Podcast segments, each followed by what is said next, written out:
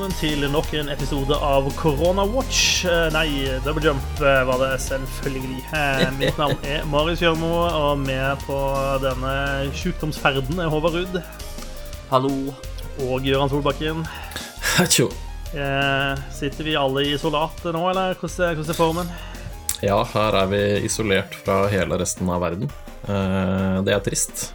Jeg har hjemmelagd kakao og pysjbukse på meg. Det forferdelig ut. Ja, det er tøft. Det er tøft liv. Det er veldig hardt. Ja, nei, det er eh, Verden er i ferd med å gå under dere. Da er det bare å spille så mye vi kan fram til da. Altså Keep calm and keep gaming, liksom. Ikke sant? Ja. Jeg hadde sikkert ikke begynt på backloggen min om jeg liksom hadde fått en sånn dato for verdens undergang heller. Nå skal jeg i hvert fall spille mer av de gode spillene jeg allerede liker. Ja. ja. Har du 200 dager på deg, og verden går under. Jipp. Da er jeg tilbake til World of Warcraft, da. Tror du det hadde blitt mer eller mindre kø i Warcraft hvis en sånn beskjed kom? Mer. Det er nok så flere som tenker som meg. Hva shit, da må jeg forte meg grinde ut den uh, Den eh, Hva er det du har, da? Reputation. Reputations, ja. Ja. Ja, det er viktig å bli uh, reward, exalted. OK.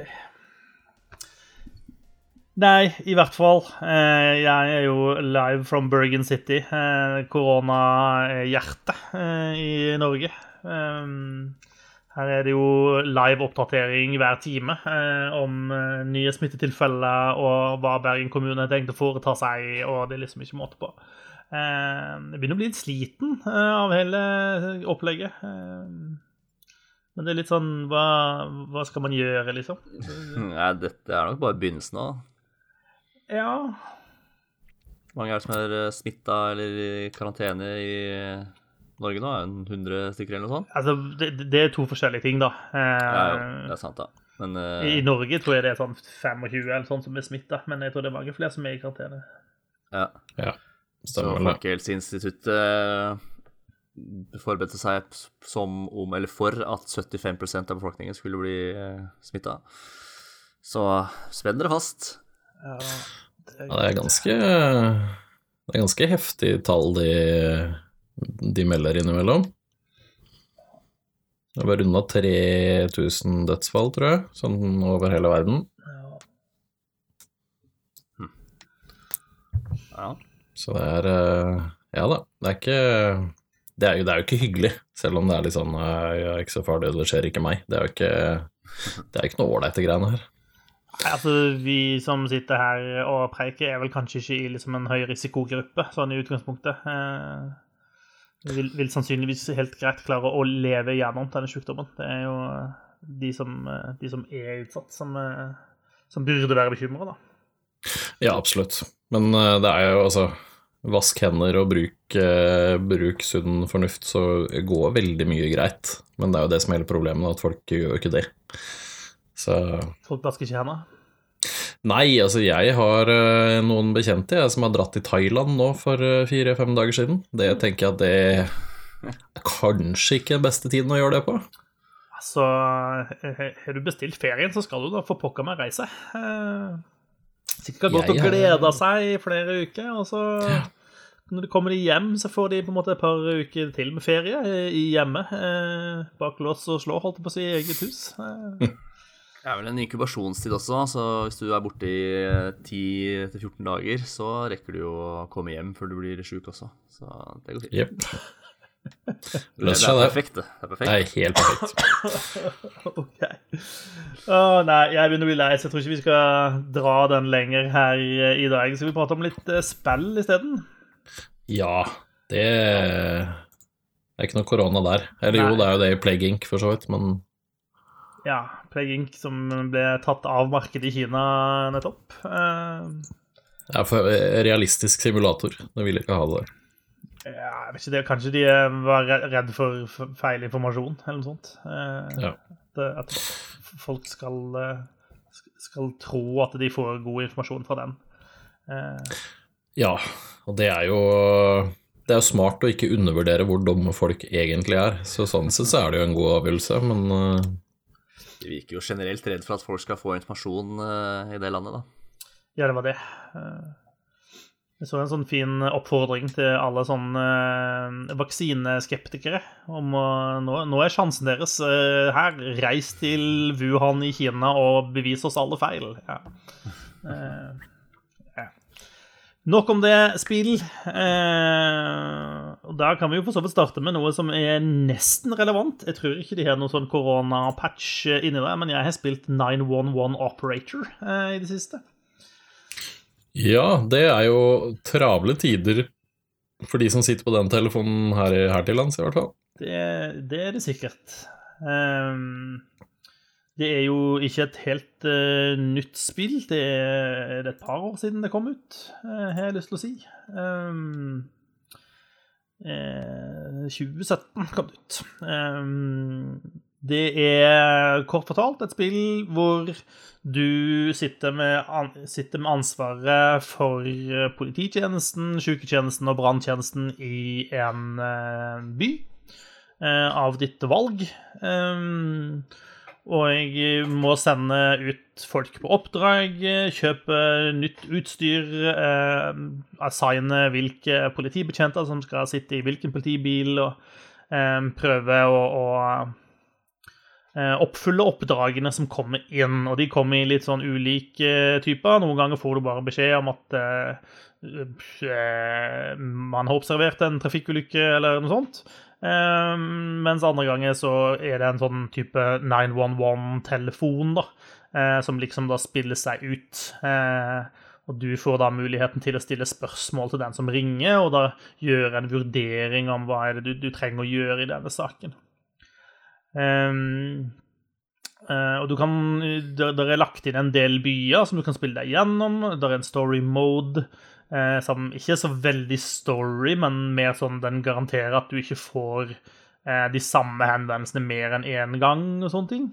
Um, og Det er også noen freeplay-modus, og i den freeplay-modusen så kan du laste ned um, Jeg har inntrykk av liksom sånn type de fleste byer i verden, liksom. Uh, om de bruker Google Maps eller sånt nå og kjøre en sånn en, uh, converter. Jeg kunne i hvert fall fint laste ned Bergen. Uh, og okay. fikk styre 911-calls i Bergen. Eh, måten de løste det på, er at eh, hver gang noen skal si en adresse, så, så, så kjører de litt sånn Sims-språk akkurat på adressene. Sånn at så får du den bare med skrift. Dermed så passer liksom går, går alle samtaler fint inn i, i, i, hvilken som helst by du spiller i. da. Eh, og den bruker faktiske adresser, sånn more or less i hvert fall. Eh, så når jeg, når jeg, spiller i Bergen, så får jeg beskjed om at det brenner på liksom i håper si, naboadressen. Eh, kan forekomme. Så um, Det er et spill som um, gjør det det skal, helt greit, syns jeg. Uh, og det er, en, det er helt åpenbart en økende vanskelighetsgrad. Uh, det blir vanskeligere og vanskeligere å på en måte holde styr på alt. Det skjer veldig mye hele veien. Du kan pause tida Eh, for å gi ordre, og så la det gå videre. Eh, men det dukker opp ting hele tida. Jeg synes det var ofte, Av og til så var det noen ting jeg ikke fikk med meg. Eh, at her var det en incident som jeg bare ikke registrerte i det hele tatt. Så er de litt sånn opptatt av um, å, å, gjøre dette riktig, da. Sånn at det dette er ikke bare et spill, men det er litt sånn Det lærer deg litt om hva, hvordan skal du prate når du ringer til 911? Eh, og også fra andre siden av hvordan bør du som en 911 operator prate med folk. da. Eh, og de har også en del sånne litt sånn opplærende tips eh, som, som, nok er helt realistiske og sikkert er tatt ifra en eller annen guide et eller annet sted. Eh, for du får inn sånne 911 calls som er useriøse, da. Eh, og så får du også inn eh, men, det er litt sånn du, du, får veldig mange saker, da. Eh, og sånn får du blant annet en litt sånn klassisk en som Du får en, en dame som ringer som skal bestille pizza. Eh, men så viser det seg, da, når du spør litt mer, at det er egentlig en dame som er gissel eh, og som prøver å liksom få hjelp, eh, men kan ikke prate fritt fordi de som holder henne gissel, eh, hører hva hun sier. Eh, Så er hun fra virkeligheten, eh, tror jeg. Jeg har lest noe om en eh, lignende historie. Ja, eh, og jeg tror, tror det, det, er brukt, det er et eksempel som er brukt i film også. Um, så det er, det er noen sånne, da, eh, og det er litt sånn to throw you off, eller i hvert fall sånn Du bør ikke bare avvise hva som helst. Og så på slutten av hver, eh, hver, natt eller hver kveld så får du på en måte en oppsummering av, av skiftet som er gått. Du får se alle sakene som var oppe, hvordan du agerte på dem, og om du på en måte Så får du en sånn poengscore på hver enkelt incident. Eh, og noen ganger så vil du få minuspoeng fordi du ikke klarte å, å måtte sende den hjelpen de trengte. Eh, og noen ganger kan du også få minus fordi at du brukte tid og ressurser på noe som var tøys og tull, liksom. Eh, som, som, som, ikke trengte Som ikke var akutt nok til at 911 burde håndtere det. da. Eh, så du må du, kan, du, du, du, rekker ikke overalt uansett, så du må liksom prioritere litt hva du skal fokusere på etter hvert. Høres litt ut som uh, Paper Please. Ja, bare at det er mer så, å se dotter på et, bevege seg på et kart, egentlig, da. Mm. Eh, så, så, det blir et veldig sånn micromanagement-opplegg, da. Eh, og en god del incidents krever f.eks. mer enn bare én av hver. Altså Er det en bilulykke, mm. så trenger du ofte eh, brannfolk til liksom å skjære opp bilen og få ut de skadde. Du trenger syke folk, eh, ambulanse, da, til å håndtere de syke, og du trenger kanskje ofte politi også til stede. Sant? sånn at du må gjøre de vurderingene også. Noen ganger så trenger du Skal det gjøres en arrest, f.eks., så må du ha en bil som er stor nok til å få med deg alle som skal arresteres. Eh, og etter hvert så du, får, du tjener penger, så kan du da oppgradere. Du kan kjøpe helikoptre, motorsykler og liksom masse forskjellige ting. Eh, så det er et solid spill, eh, men jeg personlig syns det ble litt kjedelig i lengden. Eh, ja Det er liksom Det, det er gjort grundig og sånt, men uh, ja, jeg, jeg syns ikke det var spennende nok etter hvert. Jeg synes det ble liksom Ja, det var en økende vanskelighetsgrad, men det var liksom bare mer av det samme, følte jeg. Ja. Uh, så litt sånn stakkato syns jeg det ble etter hvert. Um, men for all del en kul greie. Høres ut som har det til felles med Papers, Please òg, da. ja, men Papers, Please er jo også er jo, mer, er jo en avslutning, på en måte. Ja. Eh, dette er jo mer sånn, litt sånn evighetsspill, egentlig. Eh, så du kan fortsette inn i evigheten alt etter hvilken modus du spiller, da, riktignok, men eh, ja. Men kult hvis det høres ut som din greie å manage liksom, utrykningskjøretøyene i Bergen eller et annet sted, så, så, kan det være verdt å sjekke ut. Jeg tror ikke det var fryktelig dyrt heller. Jeg tror det kostet en hundrings eller noe sånt på Steam. Det fins på alle, eller veldig mange plattformer i hvert fall, tror jeg. Det, det, vet jeg ikke. Det kan godt være. Jeg ser ikke Jeg ser for meg at det er greit å ha mus og tastatur til dette spillet. Ja. Uten å ha tester med, med, en kontroller, så det høres veldig knotete ut for meg. Men ja, kult. Yes. Um, jeg har også spilt et annet spill som heter Unheard. Jeg har ikke hørt om. jeg venta på helt siden jeg så spillet på lista. Ja, du, du, gjorde vel det. Um, Unheard er et ganske artig spill som kom ut i fjor. Um, det er et litt sånn Det er litt sånn rart konsept. Um, de eh, De presenterer på en måte en slags eh, en slags ny teknologi eh, som gjør at du kan være en, det de kaller en acoustic detective. I, i, praksis da, så er det, kan, man, kan de da gå tilbake der det har skjedd en kriminell handling, og så kan du eh, på en måte gjenoppleve denne gjennom lyden eh, på stedet. Eh, sånn at eh, eh, hvis det f.eks. har skjedd et eller annet på en politistasjon, så kan du flytte flytte deg rundt i de forskjellige rommene på den politistasjonen innenfor ja, la oss si et 20 minutters spenn, da, og så kan du høre hva som skjer i alle de ulike rommene på de ulike tidene, og så skal du da prøve å finne ut av hva er det egentlig som er skjedd, og hvem er skyldig, og du har noen sånne spørsmål du skal besvare da på hver, eh, hver sånn et oppdrag. Eh, som er et ganske kult konsept, egentlig. Eh, det er litt sånn Konseptet er litt sånn teit fordi at de gir ikke så veldig mye mening i liksom en faktabasert verden, men sånn utover Hvis man klarer å se vekk fra det og tenke at dette er et spill, så er det egentlig ganske artig.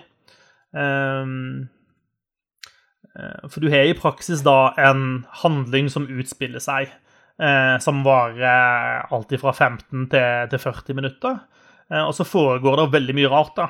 Og så må du prøve å finne ut av hvem er de ulike stemmene. Det er på en måte noe av det, det første du er gjøre, å identifisere hvem er de ulike. Og Så kan du tracke deres bevegelser rundt i rommene, og så kan du etter hvert begynne å finne ut av hva har skjedd, osv.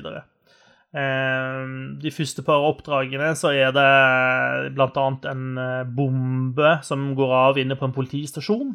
Og du må prøve å finne ut av hvem er det som Hvordan kom den bomba inn? Hvem er det som står bak? Og hvem er liksom den onde criminal masterminden i, i dette her?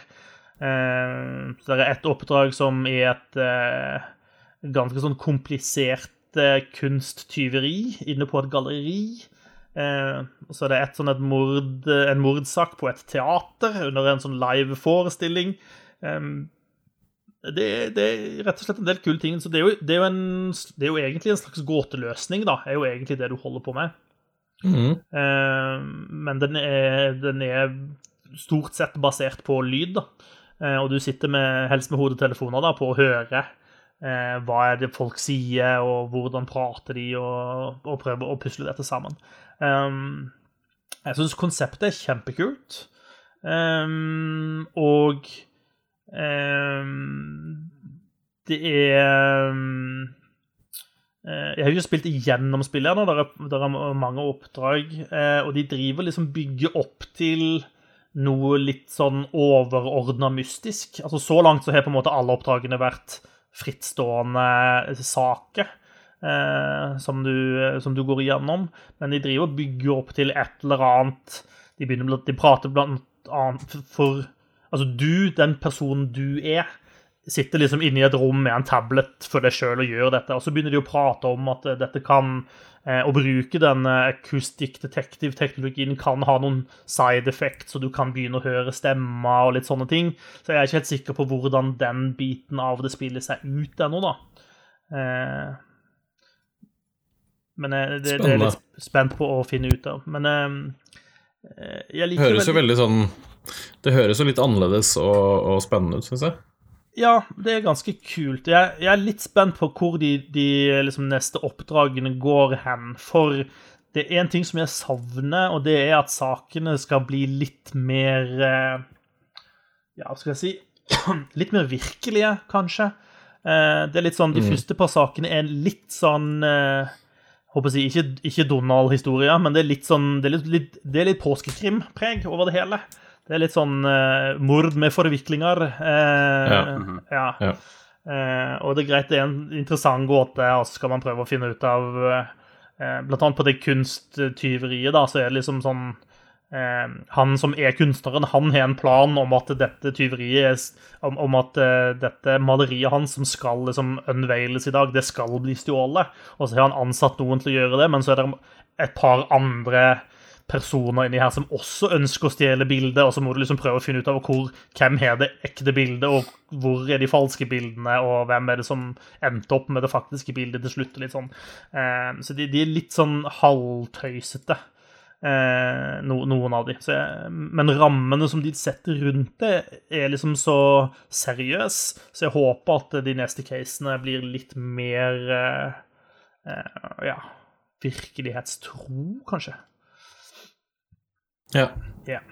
Skjønner. Men, eh, men et kjempekult konsept eh, som absolutt anbefales. Det, det, er et spill som også er veldig greit å spille i, i kortere perioder. Eh, der på en måte hver, hvert oppdrag er såpass avgrensa.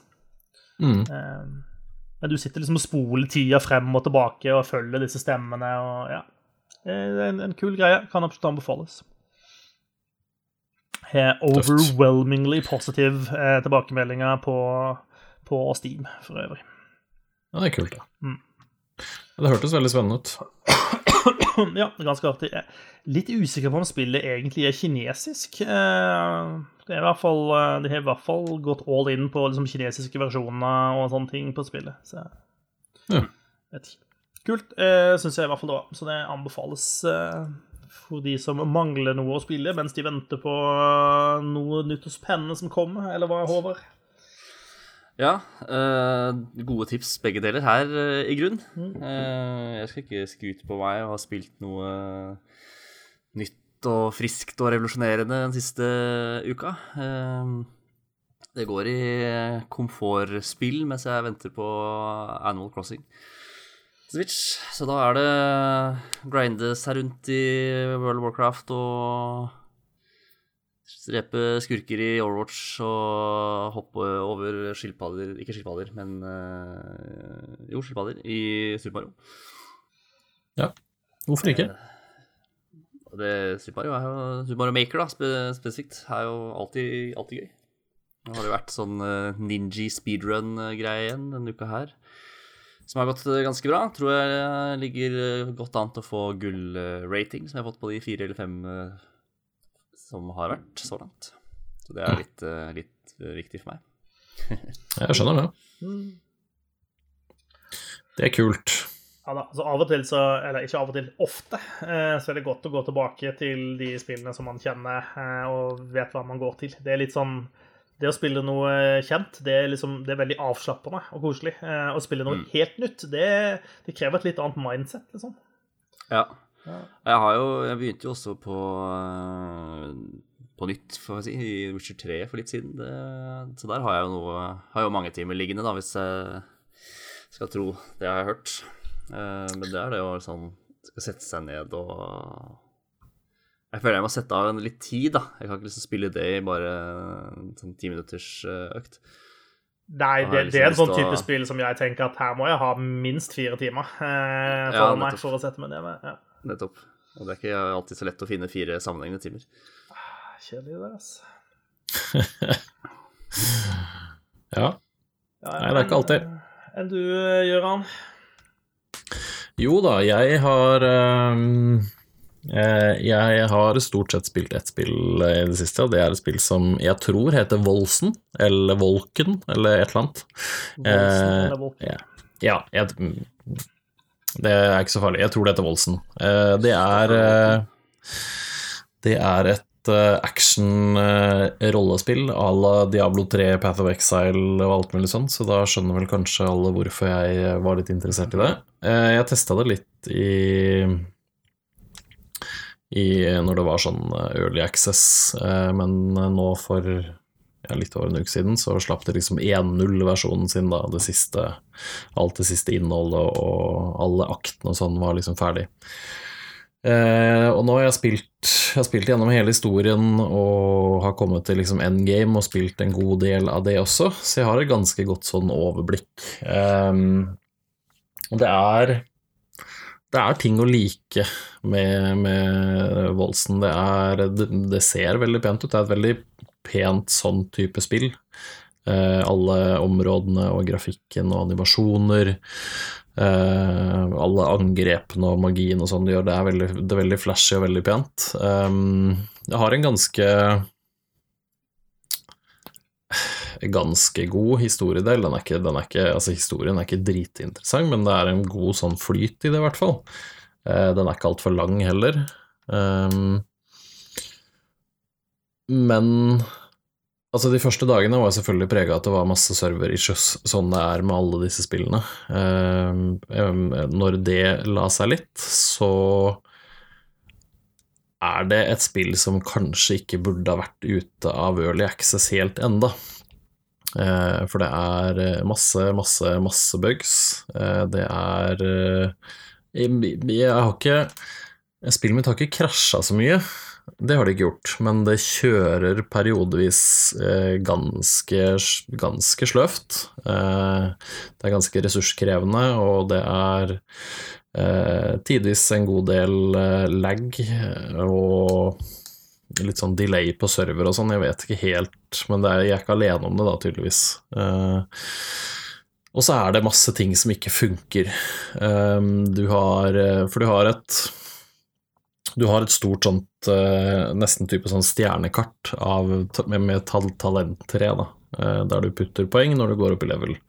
Det her er litt sånn um, En litt enklere versjon av Path of Exile sitt som er veldig stort, så er det litt mindre, litt mindre konsentrert, men samme prinsippet. og det er også bestående av tre forskjellige sånne ringer som du kan snurre rundt for å få litt mer variasjon. Um, jeg skal ikke prøve å forklare det så veldig detaljert med bare ord, for det kan bli litt vanskelig.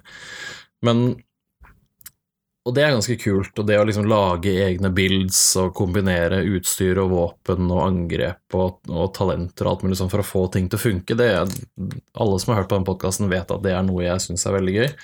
Men når si kanskje mellom 10 og 20% av de valgene du tar, rett og slett ikke funker, eller ikke funker som de skal, eller bare ikke gir en bonus når du velger det, så tenker jeg da er ikke spillet ditt klart for å gis ut. Ja, Det høres ordentlig frustrerende ut, ass. Ja. Um, det kan hende jeg tar i når jeg sier 20, men jeg tror ikke jeg tar inn når jeg sier 10% av alle de nodene du velger. Der, da skjer det ingenting. Er det spillet, er det spillet ute på konsoll også, eller? Um, nei, jeg tror det her bare er på PC nå. Ok.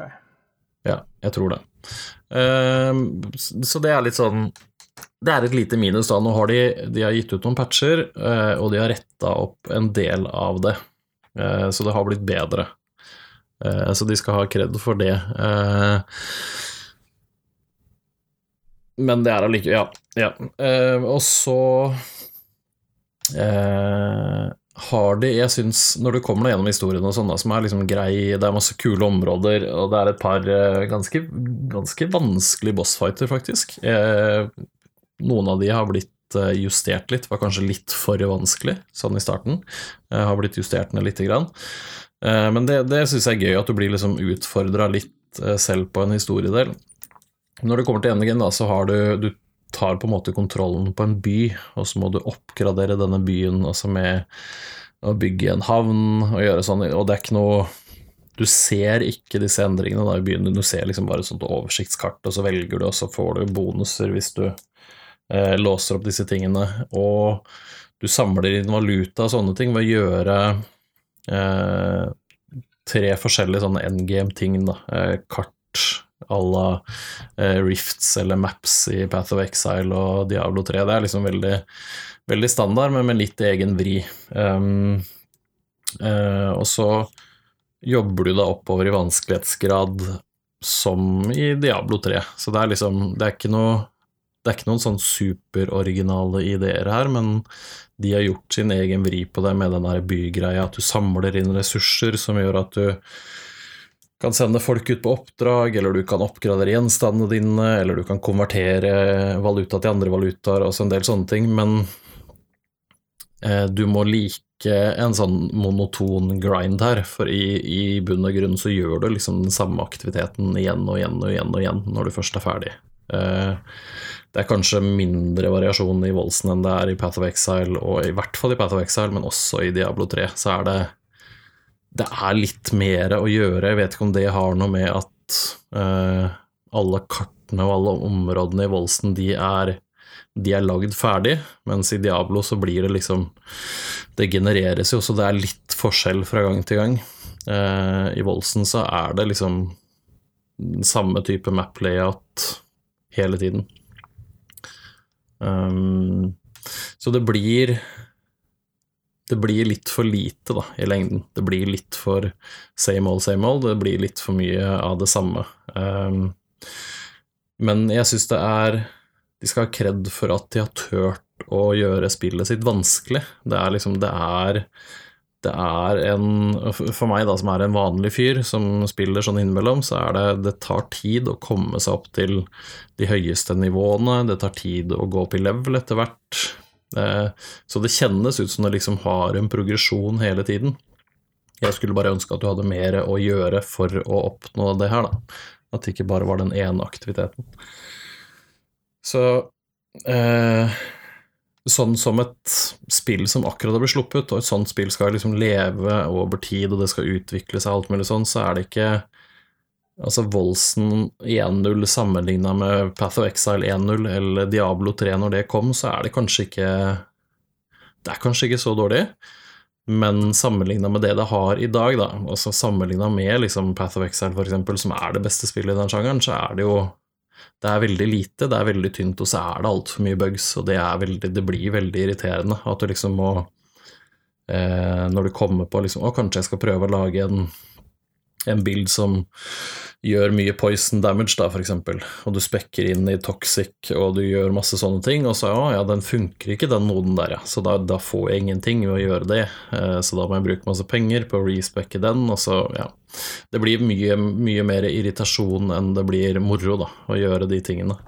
Eh, og så har de en viss ubalanse i evner og, og, sånne ting som du har, for du kan du kan equippe masse forskjellige spells og sånn. Altså, det her gjør du helt fritt. Eh, eh, noen av, altså magi, noen av magigreiene krever at du har en staff eh, eller en sånn catalyst.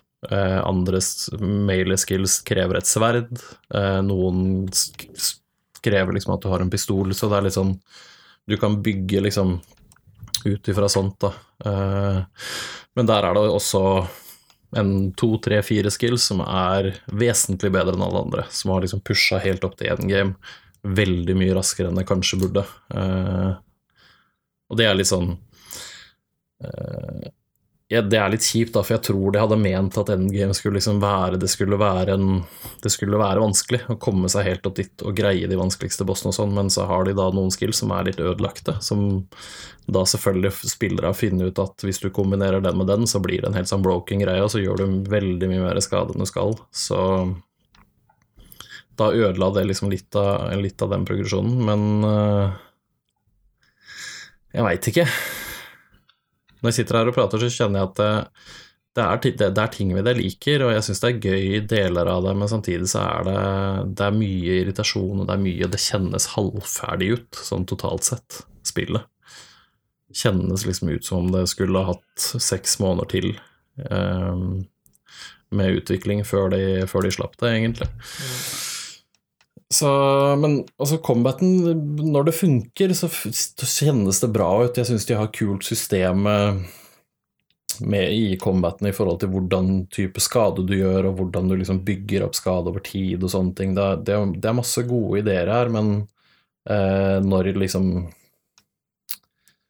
grunnmuren det står på, nesten ikke greier å holde oppe, så blir det, det blir litt sånn halvveis og litt eh, iffy, altså. Det, det, er litt dumt, for det ser så polert ut, og det ser så pent og bra ut når du liksom får sett det, og så begynner du å trykke, og du kommer litt ned i grøten, så er det bare en hel haug med feil, liksom, og bugs. Så ja, mye irritasjon eh, og mye mye sånne unødvendige ting som ikke funker og som ikke er riktig. Og det, det trekker ned et totalinntrykk som kunne vært veldig mye bedre, da, egentlig hvis det hadde funka, så hadde jeg, hadde jeg, nok kalt det et bra spill. Nå vil jeg kalle det i beste fall et middelspill. Et spill med potensial? Ja, det tror jeg. Eh, og så er det litt sånn ja, Man kan liksom unnskylde med at ja, men det her er et spill som skal leve over tid og alt mulig sånn, men det er allikevel ikke godt nok å si at vær så god, her er et ferdig produkt, så er det liksom 20% av det som ikke funker. Da er det ikke, et, det er ikke, det er ikke bra nok, selv om det er et potensial, og det kan hende det er kjempebra om et år, så er det liksom Ja. Nei. Status per i dag, så er det Det kan godt hende du har det gøy med det eh, i en stund, men så renner det bare gjennom alle feila der, og da blir det mindre gøy. Mm. Kjedelig, det, da. Ja. Eh, jeg, eh, jeg, driver og leser en del boligannonser om dagen, eh, og da er det sånn hvis et sted trenger en del, la oss si en del kjærlighet, da står det sånne ting som et, et hus med potensial, eller en unik mulighet, det de kaller det. Hvis det står i overskrift Ja, sånne ting. Hvis det står rett ut eh, i overskrifta 'oppussingsobjekt', da er det ei rønne, eh, rett og slett. Da, da, har de funnet ut at det er ingen måte vi kan sminke denne grisen på. Her må vi bare si det som det er. Yep. Eh, så potensial i Volken, men jeg trenger mer kjærleik, altså. Ja, det gjør det. Det trenger mer kjærlighet. Det trenger mer, mer tid og mer kjærlighet. Det jeg kommer nok til å spille det igjen ved en senere anledning, men jeg skal nok Jeg tror jeg kommer til å la det ligge til det har blitt patcha et par ganger nå. Mm. Ja. Men jeg kan nevne en ting til da, som jeg skal si i samme For jeg har spilt En del av Volsen har jeg spilt uh, gjennom den der nye GeForce Now-tjenesten. Mm. Ja, for den kom jo Det var jo rett før vinterferien, det, for et par uker siden, eller sånn, så slapp de liksom eh, Åpna de opp for, eh, for flere å teste det. Eh, så jeg signa opp og fikk en sånn tre måneders gratis uh, greie.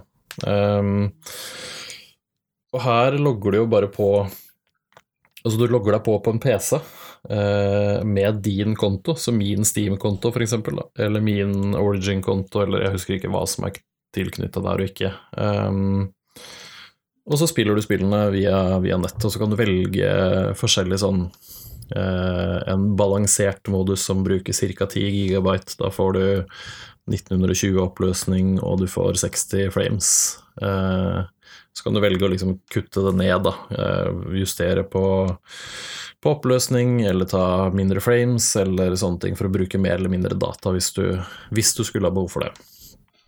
og det her fungerer egentlig Nå har ikke jeg prøvd veldig mye sånn uh, spillstreaming, men det funker ganske bra, altså. Jeg testa, bare sånn for moro skyld, så testa jeg Jeg fyrte opp Assassin's Creed Odyssey. For det er jo ganske grafikkintensivt spill, hvis du liksom um, setter på de høyeste og peneste grafikken i det spillet. Det greier ikke PC-en min å kjøre fullt ut. Det begynner å bli litt for gammelt til det. Men uh, jeg testa det, så tenkte jeg ja, for her skal du liksom sitte på Jeg tror de sier at du skal sitte på sånn 28 TI-type ytelse eh, på, på PC-ene med masse ramme og alt mulig. Eh, så jeg guffa opp med, med, liksom alt på høyeste av grafikk og sånn, og så spilte jeg Odyssey, og det Det funka veldig bra. Det var um, Det var bedre grafikk på det spillet der hvor jeg spilte det, enn når jeg spilte det på PC-en min. Um, selv om det når jeg gikk fra å spille GeForce Now til å spille det lokalt på PC-en min, så kjenner jeg Jeg kjenner en forskjell. Mm. Eh, og det er sikkert Altså, det er jo litt input-lag. De får ikke gjort noe med at det ikke er input-lag i spillet. Det går ikke. Så litt Bitte litt input-lag er det, og så er det det at du Altså, det er jo en videostrøm og ikke en direkte kobling til spillet, liksom, men til det spillet, da, som ikke krever liksom superpresise kontroller eller noen ting sånn, så funka det veldig, veldig fint å spille på GeForce Now. Uh, med bedre grafikk um, enn det jeg kan kjøre. Bruker du en um, egen GeForce håndkontroll eller sånt, da, eller bruker du bare Nei, nei, altså det, ja, jeg, jeg, bruker bare den Elite, Xbox Elite-kontrollen som jeg har til PC-en. Mm. Så det, det, det, funker, liksom. Du, du det er som en sånn der ekstern tilkobling til en annen PC, bare. Eh, og så er det, det er visse begrensninger da, når jeg er sånn Founders-medlem, så tror jeg jeg kan spille fire eller fem timer sammenhengende før du må da kutte koblinga di, og så må du bare starte på nytt igjen. Jeg veit ikke hvorfor det er sånn, men det er en sånn tidsbegrensning på hvor mange timer du kan spille i strekk. Men det, du kan bare logge på igjen da, med en gang. Um, hvis du kjører gratisutgaven, da, da er du én times uh, økte. Ja, stemmer. Det er mindre. Hvis du ikke er som founder, så er det timesøkter og ja, eh, noe begrensninger på, på, frames og sånn, tror jeg. Jeg tror ikke du kan få 60 FPS da. Men i hvert fall det har jeg spilt, så jeg har spilt en del Olsen på, på jobblaptopen min her hjemme, riktignok. Um, fordi nettet på jobben er sperra. Jeg testa det. Uh, jeg, måtte, jeg, måtte, jo teste, bare for å se. Men det, det, det, funker ganske bra. Altså selv på et sånt spill så funker det bra. Jeg kjørte også Path of Exile, for det sitter jo liksom ganske godt i fingrene mine etter 300 timer eller noe sånt. Og det også er mer enn akseptabelt å spille via GeForce Now. Um, og veldig, det er lite input lag, og det er uh, ganske lite trøbbel med tilkobling til server og sånn òg, så det, det, må jeg si det er ganske, en ganske imponerende sånn første test av det. Og, men igjen, da, jeg har ikke noe sammenligningsgrunnlag på Stadia eller noen av de andre, så jeg vet jo ikke jeg vet ikke om det her er bra eller dårlig, men for meg så virker det veldig bra. Jeg syns det funker, eh, funker gull. Og det er det er fint for meg når en av, en av sønnene mine kaprer uh, spill-PC-en, så kan jeg bare smekke opp laptopen, og så kan jeg kose meg. Ja, og det skal funke på Android-enheter og Shield TV eh, også. Ja, nå har ikke jeg Shield TV, jeg har en Android-enhet, men har ikke, der har jeg faktisk ikke testa den. da. Men uh, det også er interessant å se åssen det blir der. Ja, men er, du er jo avhengig av at spillet ditt er tilgjengelig på den tjenesten. Og det har jo, de har jo mista de har mista en del spill nå etter at de begynte å ta seg betalt. Eh, og jeg skjønte sånn at det er litt sånn eh, Litt sånn krangel om hvem som skal ha disse pengene, eh, visstnok. Fordi det koster sånn typ 60 kroner i måneden eller noe sånt. Tar GeForce for Eller Nvidia, da, tar jo det betalt. Men du kjøper ikke noe spill i den tjenesten. Det er jo Steam-kontoen din eller uh, sånne ting, så spillene har jeg allerede kjøpt. Men så er det vel en krangel der mellom noen uh, utgivere og Nvidia på hvem som om de vil ha en del av kaka på, på liksom den, det jeg betaler, da. Ja, det er jo litt Jeg ser der igjen Det er jo en dialog som går på Stadia-biten også hvor en del utviklere som mener at de får ikke, det er ikke nok penger i det for de til å, å gjøre spillene sine tilgjengelig på, på Google Stadia. Eh, og, der, og, der, kjøper du jo spillet i tjenesten i tillegg. Eh, så, så, der får jo utviklerne faktisk penger for det, vil jeg anta. Men eh, kanskje de syns de får for liten del av kaka der. Eh, men det er jo Altså Fra et sånn forbrukerperspektiv da, så er det klart en sånn tjeneste som GeForce Now er jo egentlig supert. sant? Den, gjør, mm. den tilgjengeliggjør produktene du allerede har kjøpt og betalt for, sånn at du kan bruke de flere steder.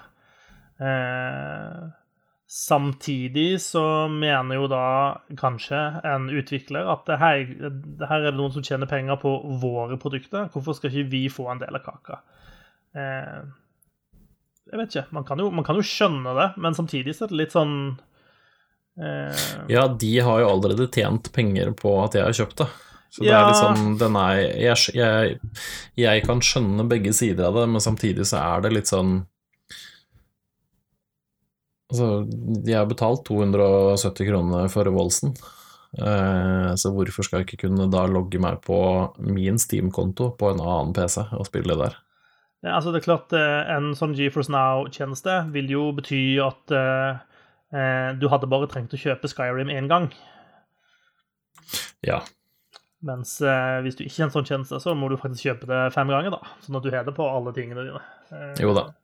Ja da. Det er en De har en vei å gå der, da.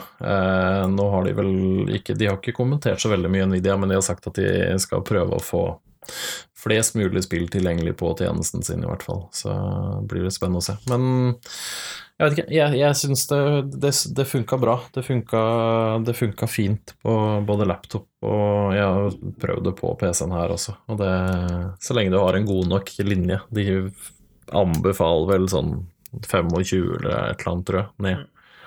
Men uh, ja, en bra tjeneste. Det er kult. Jeg tror jeg skal ta og mm. sjekke det ut sjøl, jeg.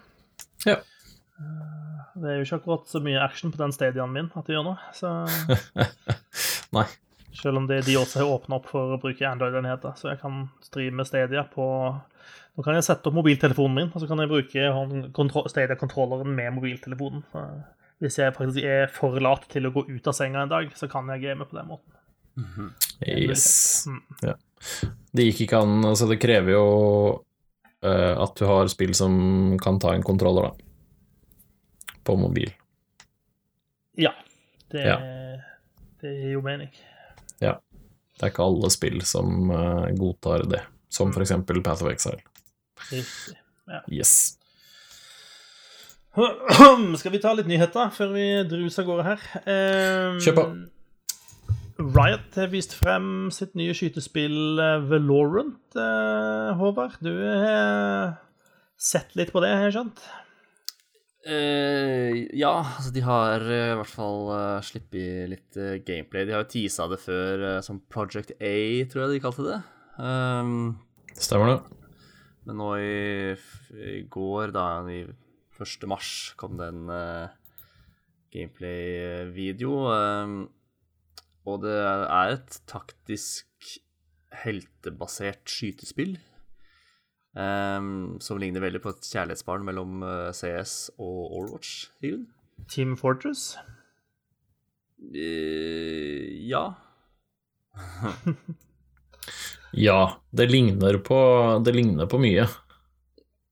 Ja, det, det gjør det. Uh, jeg syns det Jeg hadde en liten prat med en av utviklerne på, på på gamer.no tidligere i dag. Eh, han mener uh, Valorant ser litt for mye ut for Overwatch for hans del, eh, mens jeg syns det ser litt for mye ut for, eh, som Counter-Strike for min del.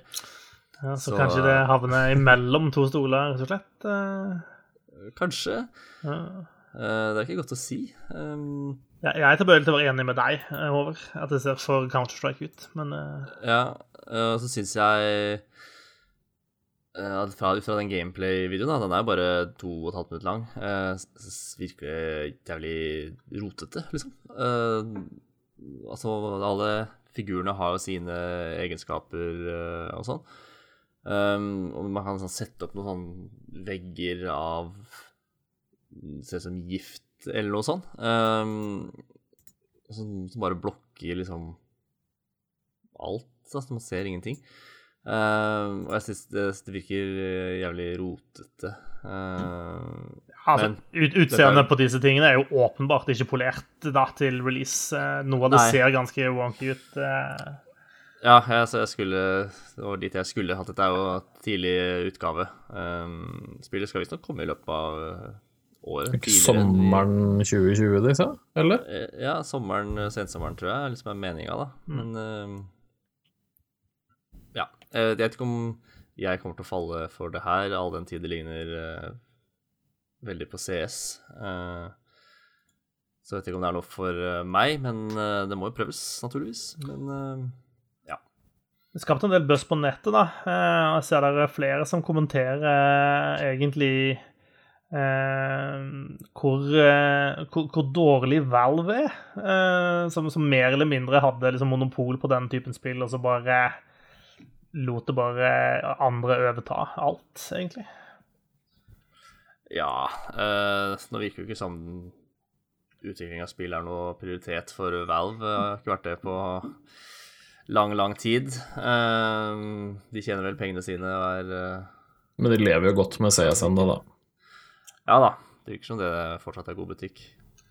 Det er det sikkert, men det er litt sånn det er åpenbart et marked her eh, som de bare har bestemt at nei, det skal ikke vi gjøre noe med. Eh, og det syns jo en del folk er litt eh, pussig, da, når man først er i den bransjen. Ja da. De hadde en ganske pen eh, markedsposisjon der en stund, som de bare har eh, latt passere i stillhet. Eh, og mens vi er inne på å prate om litt sånne spill eh, Neste sesong av Overwatch eh, får eh, ja, du, Jeg sier at du, Håvard, kaller det Hero Bands. Eh, det offisielle navnet er vel Hero Pool. Eh, Ja, Men det er jo i praksis det samme, da. Eh, at man eh, Altså, jeg, har ikke helt skjønt hvor ofte dette skal endre. Er det per sesong, eller er det per uke, eller sånt noe? jeg tror det er snakk om at det er eh, ukentlig. Ja. Um, Så er det et sånn par helter som, man, som blir låst, og som ingen får lov til å spille? Ja. Eller i hvert fall i sånn et, competitive mode. ja. Og i Overwatch League. Ja. Uh, så det er jo et eh, tiltak for å sånn uh, rustle litt i metaen, så ikke den skal bli stale. Um, så Og jeg tror den nye sesongen begynner tors... Nei, begynner sikkert på fredag. Jeg tror den inneværende sesong eh, går til og med torsdag denne uka, 5. mars. Um, og fra og med fredag så kan du ikke spille som Reinhardt, Moira, McCree eller Widowmaker. Uh, igjen, jeg tror det er en uke framover. Det vil i så fall være en ganske bra shakeup eh, på metaen, hvor eh, i hvert fall både Reinhardt og McCree har vært uh, brukt veldig mye i Overwatch League. Ja. Jeg er litt overraska over at May ikke ble Hun er jo veldig sterk nå. Så vidt jeg kan se, så hva ble det Det ble angivelig trukket, da. Uh, så det ble, ikke, det ble, ikke, bestemt, men det ble, det ble trukket hvilke helter som, ikke, som skulle tas vekk. Ja, da er det ikke så rart. Mm. Eh, men eh, det, målet med dette her er jo å gjøre det mer interessant da, og passe på at spillet ikke låser seg i en sånn satt meta som alle spiller, fordi det blir fort litt kjedelig i lengden. Ja, der har jo uh, brent seg før. Uh, ja. Vi spilte denne Goats-metaen uh, i over et år. Ja, og en sånn type hero pool som driver og rullerer hele tiden, er kanskje en enklere måte å forholde seg til det på enn å prøve å eh, balansere seg ut av enhver ny meta som blir etablert. da. Ja. Eh, det, så jeg tror for så vidt at det kan være en fornuftig ting, altså. Eh, men det er klart, i en eh, Altså, en, en, ting er i competitive play på der du og jeg kan sitte og spille, men i Overwatch League, som liksom er en profesjonell liga der folk spesialiserer seg på noen helter, så er det sånn, det er litt rar ting. At bare sånn Ja, OK, du har brukt hele livet ditt på å bli flink med Widowmaker, men denne uka, så de neste fire ukene, så skal vi ikke spille uh, Widowmaker eller whatever. Det, ja. det er litt Jeg har egentlig vært uh, veldig imot en uh, hero-banning i Overwatch, egentlig. Spillet, hele premisset for spillet er at man skal kunne bytte helter ettersom situasjonen krever det. så at du da ikke kan bytte til en Reinhardt, da, det er det du trenger, så kan du fort få litt trøbbel. Men uh, ja, ja, vi får nå se. For deg og meg så har det jo kunnet være større betydning enn at uh, hvis vi er, veldig glad i å spille Reinhardt, da, så er det ikke noe verre enn at vi Da spiller ikke vi competitive denne uka her. Spiller først neste uke. Men ja. ja. Vi får se hvordan det funker. Men det kommer til å påvirke Overwatch League i stor grad, da. For de som, ja. Eh, de som ser på og er glad i det. Så vil det være en, en stor shakeup. Jeg, jeg, jeg, tror, jeg tror det, det, blir en positiv ting, selv, selv, om det er en litt rar ting. Så jeg tror jeg det fører, kommer til å føre til mer variasjon og mer underholdende kamper. Så jeg tenker at det Jeg tror det blir artig. Ja, ja for det aller, aller høyeste nivået så tror jeg dette ikke er tror ikke det er dumt. Enig. Ubisoft lager nyversjonen av Trackmania Nations, eh, kan gamer.no melde. Mm. Eh, jeg må innrømme at eh, jeg datt av Trackmania etter ca. Trackmania. Ja, eh, ja, Jeg husker ikke hvilket Trackmania som var det siste jeg spilte, men det, det var ikke mange versjoner av det før jeg ikke spilte det lenger heller. Men jeg hadde jævlig mye gøy med det for uh, litt over ti år siden, husker jeg. Ja, det er litt noen år siden, ja.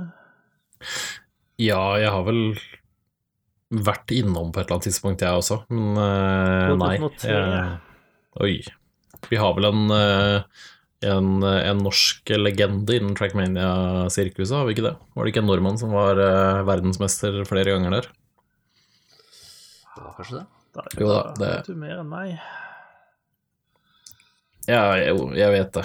Jeg, men jeg husker bare ikke hva han heter. Det er litt dårlig gjort, da. Men uh, det var en som var veldig Veldig god og veldig høyt oppe der en stund.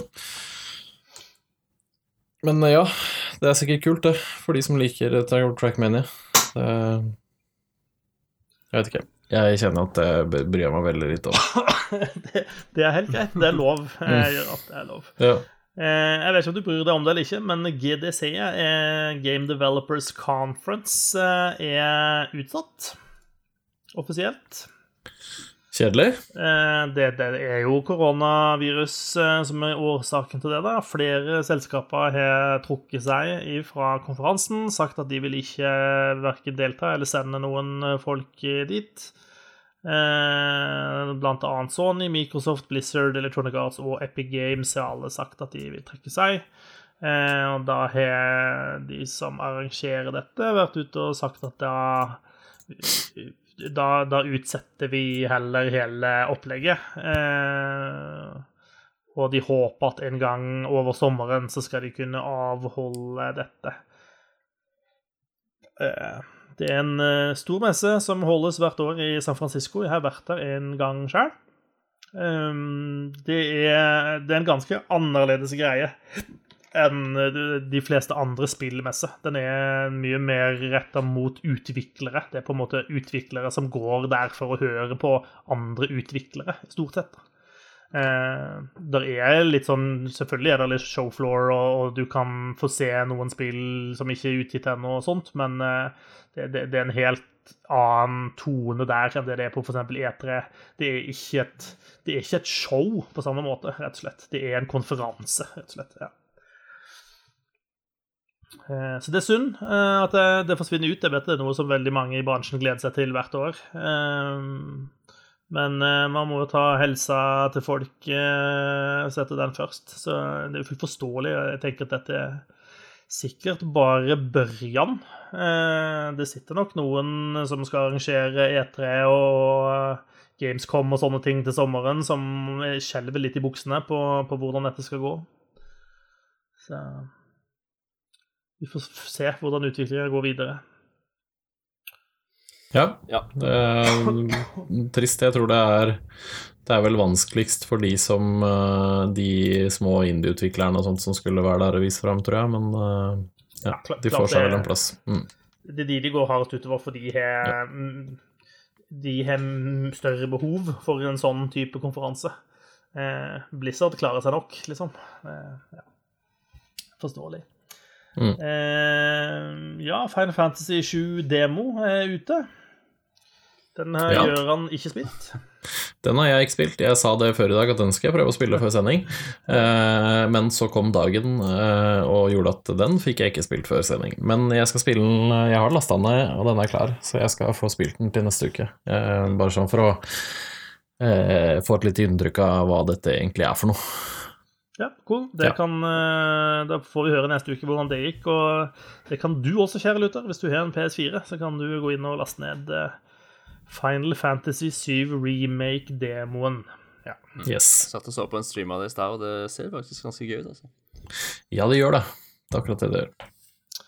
Apropos ganske gøy, eh, vi har fått en god del mer informasjon etter hvert om Baldur's Gate 3. Eh, et spill som eh, i hvert fall noen av oss eh, ser frem til.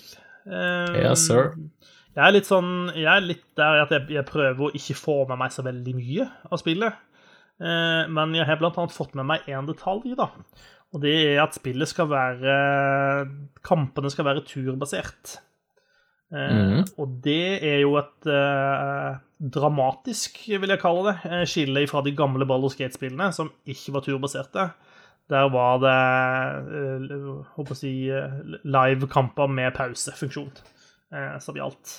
Og jeg, ja. jeg, vil umiddelbart tenke at for, for mange av liksom, som er på min alder, da, som er fans av de gamle spillene, fort kan føle seg litt grann snurt av en sånn avgjørelse. Det er ikke hva du tenker, Gøran? Jeg vet hva jeg syns Jeg syns det er helt fint, jeg. Ja. Ja. Jeg, jeg liker turbasert, jeg.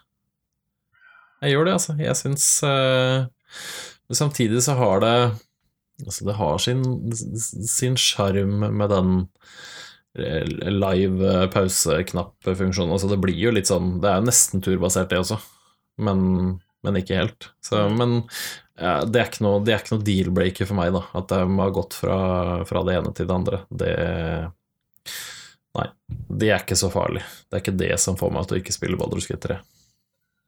Nei, altså, jeg kommer jo til å spille det. Det, det, mm. det er ikke det jeg prøver å si heller. Men jeg, eh, jeg tror mest jeg er der at jeg har litt høye skuldre, fordi at de to første Baldur's Gate-spillene er en så jeg håper å si, viktig del av min spilldannelse. Eh, at jeg, jeg, er bare så bekymra for at spillet ikke skal være bra, eller ikke leve opp til mine absolutt altfor høye forventninger, osv. Så, eh, liksom ethvert sånn et fravik fra det jeg i hodet mitt har tenkt at det spillet skal være, vil automatisk oppfattes som negativt i den fasen vi er i nå. Og så kan det være at når jeg faktisk får spillet i hendene for å teste det, at jeg syns at oi, dette funka jo kjempebra. Ja, har jeg, jeg har ikke lest noe om det, men det kan jo hende det på sikt altså da kommer at du kan velge om du vil spille turbasert eller vanlig. på en måte. Ja, Foreløpig har de sagt ganske kategorisk at spillet skal være turbasert, eh, så vidt jeg skjønte det. Men, ja, ja, men da, da glem det jeg sa. Ja. Det kommer sikkert en eller annen fan-patch på et eller annet tidspunkt som This is Boulders Gate as it should be-opplegg. Det, det, gjør de jo ofte. Men, mm. Nei, det, det, er i hvert fall masse gameplay, eh, masse, en del gameplay ute nå, som du kan gå og se på for å se hvordan det ser ut. Eh, ryktene skal ha det til at det ser bra ut. Ja, det lille jeg har sett av det, ser i hvert fall eh, superbra ut. Det høres eh, jo lovende. Mm. Det kommer vel til Kommer ikke det til konsoll samtidig som PC-release? Det husker jeg ikke.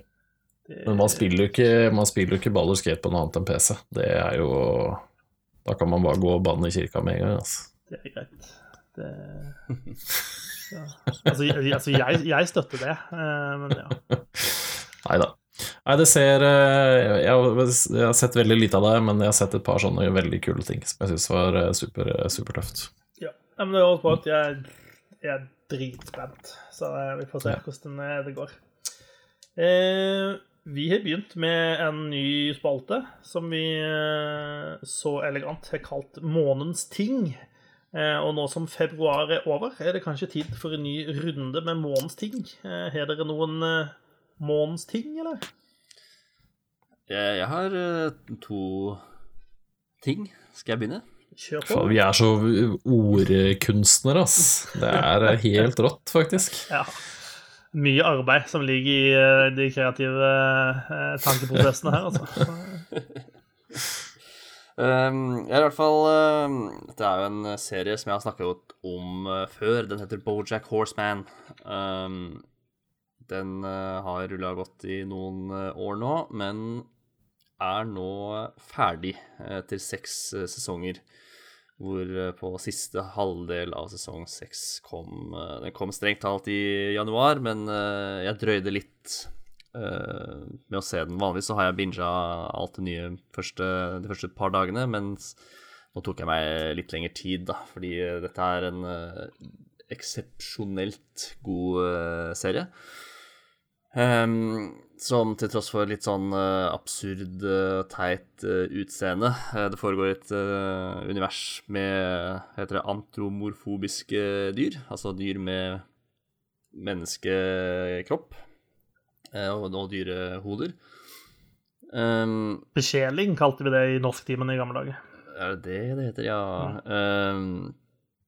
Um, hvor da Bojack Horseman er en avdanka sitcom-stjerne som siden serien hans ble tatt av lufta, har uh, fordufta litt fra offentlighetens uh, lys, og uh, ja, sånn første sesongen Jeg tenker gå gjennom hver sesong, for det blir være spoiler. Men han har utvikla litt alkoholisme og pillemisbruk og Ja, til tross for veldig fargerikt fargerikt utseende, så er det en veldig den er tidvis veldig mørk, eh, og tidvis også veldig, veldig morsom. Eh, så den anbefaler jeg på det grøvste. Har eh, kjemperatings både på Rotten Tomato og IMDb. Så don't just take my word for it. Kult. Bojack Horseman. Du har snakka om den mange ganger. Ja. Jeg burde se den. Den kan ikke snakkes om for mye. Uh, omtrent. Og så har jeg fått anbefalt eh, podkasten A Very Fatal Murder av uh, min søster. Det er en uh, parodi på sånn true crime-podkaster. laget av satire Ja, hva er de, da? Det starta egentlig som en sånn satire-nyhetsavis, The Onion. Nå er utvikla seg og Ja, nå lager også podkaster. I hvert fall den A Very Fatal Murder, som er uh, ganske morsom. Uh, og et godt sånn Jeg syns de gjør narr av true crime-sjangeren på en uh, veldig god måte. Kult. Så jeg vil ikke spoile den heller. Men den er også ganske morsom. Uh, Seks eller sju episoder på 10-15 minutter hver, så der kan du sette på og gå deg en, uh, en tur på halvannen time til helga. Ikke dumt. Herlig. Jeg kan eh, Jeg har vært på kino. Eh, Oi. ja, det er ikke noe jeg gjør eh, så veldig ofte, eh, skal jeg innrømme. Um, jeg var og så Birds of Prey, eller om du vil ha hele tittelen Birds of Prey and the Fantabulous Emancipation of One Harley Quinn. Ja. Ehm, som er en film om Harley Quinn og er basert på ja, Birds of Prey-tegneserien, jeg think. Ehm, med Margaret Robe i hovedrollen. Først så kan jeg jo disclaimer um, Jeg syns at eh, Suicide Squad-filmen var et ordentlig makkverk. Eh, en skikkelig, skikkelig krisedårlig film. Ehm, så jeg var jo spent da, på hva Birds of Prey skulle være. Ehm, og i motsetning til den, så er Birds of Prey ganske artig, må jeg si. Det er sånn eh, Det er en veldig sånn girl power-film, eh, med masse kvinnelige hovedroller. Eh, pluss Ewan McGregor, som spiller, spiller skurken i filmen. Eh, og, og, og Ewan McGregor er jo stort sett eh, flink, han, i alt han spiller i. Og jeg syns uh, Roby gjør en god rolle. Jeg syns egentlig det er mange kule kvinnfolk i filmen, rett og slett. Tøft. Og sjøl om Altså, jeg skal ikke si at filmen var fryktelig minneverdig, eh, men det var gøy eh, mens eh, det varte. Eh, det var liksom en artig film. Den trengte ikke å være Altså, det var ikke en origin-film på noen måte. Den trengte på en måte ikke å, å, å forklare seg veldig mye. Eh, Harlequin var bare Harlequin. Hele konseptet er på en måte at eh, Harlequin har nettopp blitt eh, dumpa av jokeren. Så nå må hun på en måte get her groove back, eller noe sånt. Ut og finne seg sjøl og finne ut hvem hun vil være. Eh, og så ender hun opp da i lag sammen med en del andre eh, sterke kvinnelige karakterer, og de havner i trøbbel og må på en måte samarbeide for å, å dra, dra dette i land. Eh, og det er gøy. Det er, det er morsomt, og den filmen er på en måte akkurat det den skal være. Den er det er action, og det er moro, og det er, passer veldig godt til eh, cola og popkorn, liksom. Det, Nice. eh, så det var en, en god opplevelse, og kan, eh, kan anbefales. Så kult. Yep. Den har jeg eh, Jeg har lyst til å se den. Mm. Ja. Det var min, Det blir eh, forskjellig om den, egentlig, men eh, det godt at du likte den. Ja.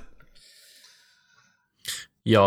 ehm, jeg tenkte at jeg skulle anbefale bok, jeg. For det er, det er vel nesten det eneste jeg har gjort ferdig i februar. Eh, Jeg har en del serier sånn som man er liksom midt i. Men eh, jo, jeg har lest en bok som heter Jomsviking, som er skrevet av eh, en nordmann som heter eh, Andreas Bull Hansen. Eh, og det er rett og slett en bok satt til vikingtiden. Eh, så vidt jeg har blitt fortalt, så er han eh, Bull Hansen Han er vel noen professor eller eh, historiker eller et eller annet sånt, så han Det er veldig mye historisk korrekte ting i denne boka, samtidig som det er liksom skrevet en historie da om eh, om, eh, om en ung gutt som ja, som havner i masse, masse situasjoner. Jeg skal ikke fortelle noe mer enn det. Men det er veldig, det er veldig bra, bra skrevet. Morsom historie, og interessant å liksom lese Lese om den tiden litt sånn fra innsiden, for det er litt den følelsen du får, da. At det er liksom Man får litt sånn inside information om, eh, om Olav den hellige og sånne ting. Så det er veldig, veldig bra, og veldig morsom, eh, morsom bok. Kult. Mm. Han eh, har studert økonomi ved Handelshøyskolen BI eh, og har 20 år bak seg som aktiv styrkeløfter. Eh, Ja, der ser du. Da var det bare tull, det jeg har blitt fortalt, i hvert fall. Der ser du. Men ja, det var i hvert fall Det var en bra bok. Uansett om han var eller ikke var utdanna som det. Han har jo skrevet masse bøker, da, så han er jo en erfaren forfatter etter hvert. Ja da, det har han gjort. Nei, men cool. Eh, skal vi rase gjennom eh, si, gratisspillet? eh, som jo er helt feil betegnelse, eh, men vi kaller det gjerne det likevel. Eh, Gratisspillene som vi har betalt for. Ja. Eh, for hver måned, uke, litt ulik eh, eh, Alt etter hvilken tjeneste, så kommer det i hvert fall ut ting man kan få inkludert i noe man allerede betaler for. Eh, eksempel i Xbox Live Gold så kan du Ja, hvilke spill er det du kan få det av deg i mars? I mars så kan du få Batman The Enemy Within fra Telltale. Hele sesongen der er gratis. Den er visstnok eh, ganske bra. Eh, Jeg har ikke spilt hele, jeg har spilt deler av den, og den, det er i hvert fall bra. Så den, er- den er anbefalt, den. Og så kan du få plattformspillet Shantay, Shantay av Genie Hero. Eh, Det har jeg aldri spilt, og ikke noe forhold til. Det er vel et Jeg tror det er et, eh, en, en gammel sånn Et gammelt spill som er laget på nytt. Ja. Remake eller noe. Men ja. I hvert fall, det er de to til Xbox One. Eh, til eh, PlayStation 4 på, på PS Plus-tjenesten deres, så kan du eh, få Shadow of the Colossus remake. Det er jo et eh, fantastisk bra spill eh, å få med. God remake, det. Ja. Og så får du også med Sonic Forces, hvis du skal være litt på Sonic-kjøret denne måneden. Um, ja. I tillegg til, det glemte jeg å si da, i tillegg til de to spillene på Xbox, så får du også Castlevania, Lodge of Shadow 2 og Sonic Generations. Det er 360-spill som du også får um, der. Så det er mye, mye bra spill å hente gratis som du betaler for hver måned, også i mars. Ja. Spill du ikke trenger å betale for i Epic Game Store, der, der er det faktisk gratis. Eh, så lenge du bare gidder å laste ned klienten deres. Eh, der er- kan du i inneværende uke laste ned Inner Space. Mens i neste uke så vil det være to spill, Offworld Trading Company og Goner. Eh, oh, Goner er kult. Goner er veldig kult. og eh, for de som har Stadia Pro, eh, altså ca. meg, eh, så kan jeg eh, laste ned eh, Grid, Steamworld Dig 2 og Steamworld Quest i eh, mars måned. Så er vi stengt med de også. Det er også to De Steamworld-spillene vil jeg anbefale deg å teste ut, faktisk. De er skikkelig, skikkelig kule. Cool. Kan jeg spille de på telefonen med Stadia Controller i seg. Å, du er så kul, Marius. Det tror jeg er en rar definisjon av kul, ass. Og ved det, eh, ved, on that bombshell at jeg er kul, eh, så tror jeg vi avslutter sendinga, fordi nå går det ved stokk og stein. Eh, Kjempekjekt at du hørte på. Gi oss gjerne en lyd i sosiale medier om du syns jeg er kul. Og gi oss gjerne en stjerne eller en anbefaling i iTunes eller hvor enn du finner podkasten du hører på. Eh, det setter vi utrolig pris på. Eh, vi har vært og er fortsatt eh, Marius Gjøran Håvard, og vi høres igjen om en uke. Eh, hei så lenge. Ha det så nice. Hei, hei.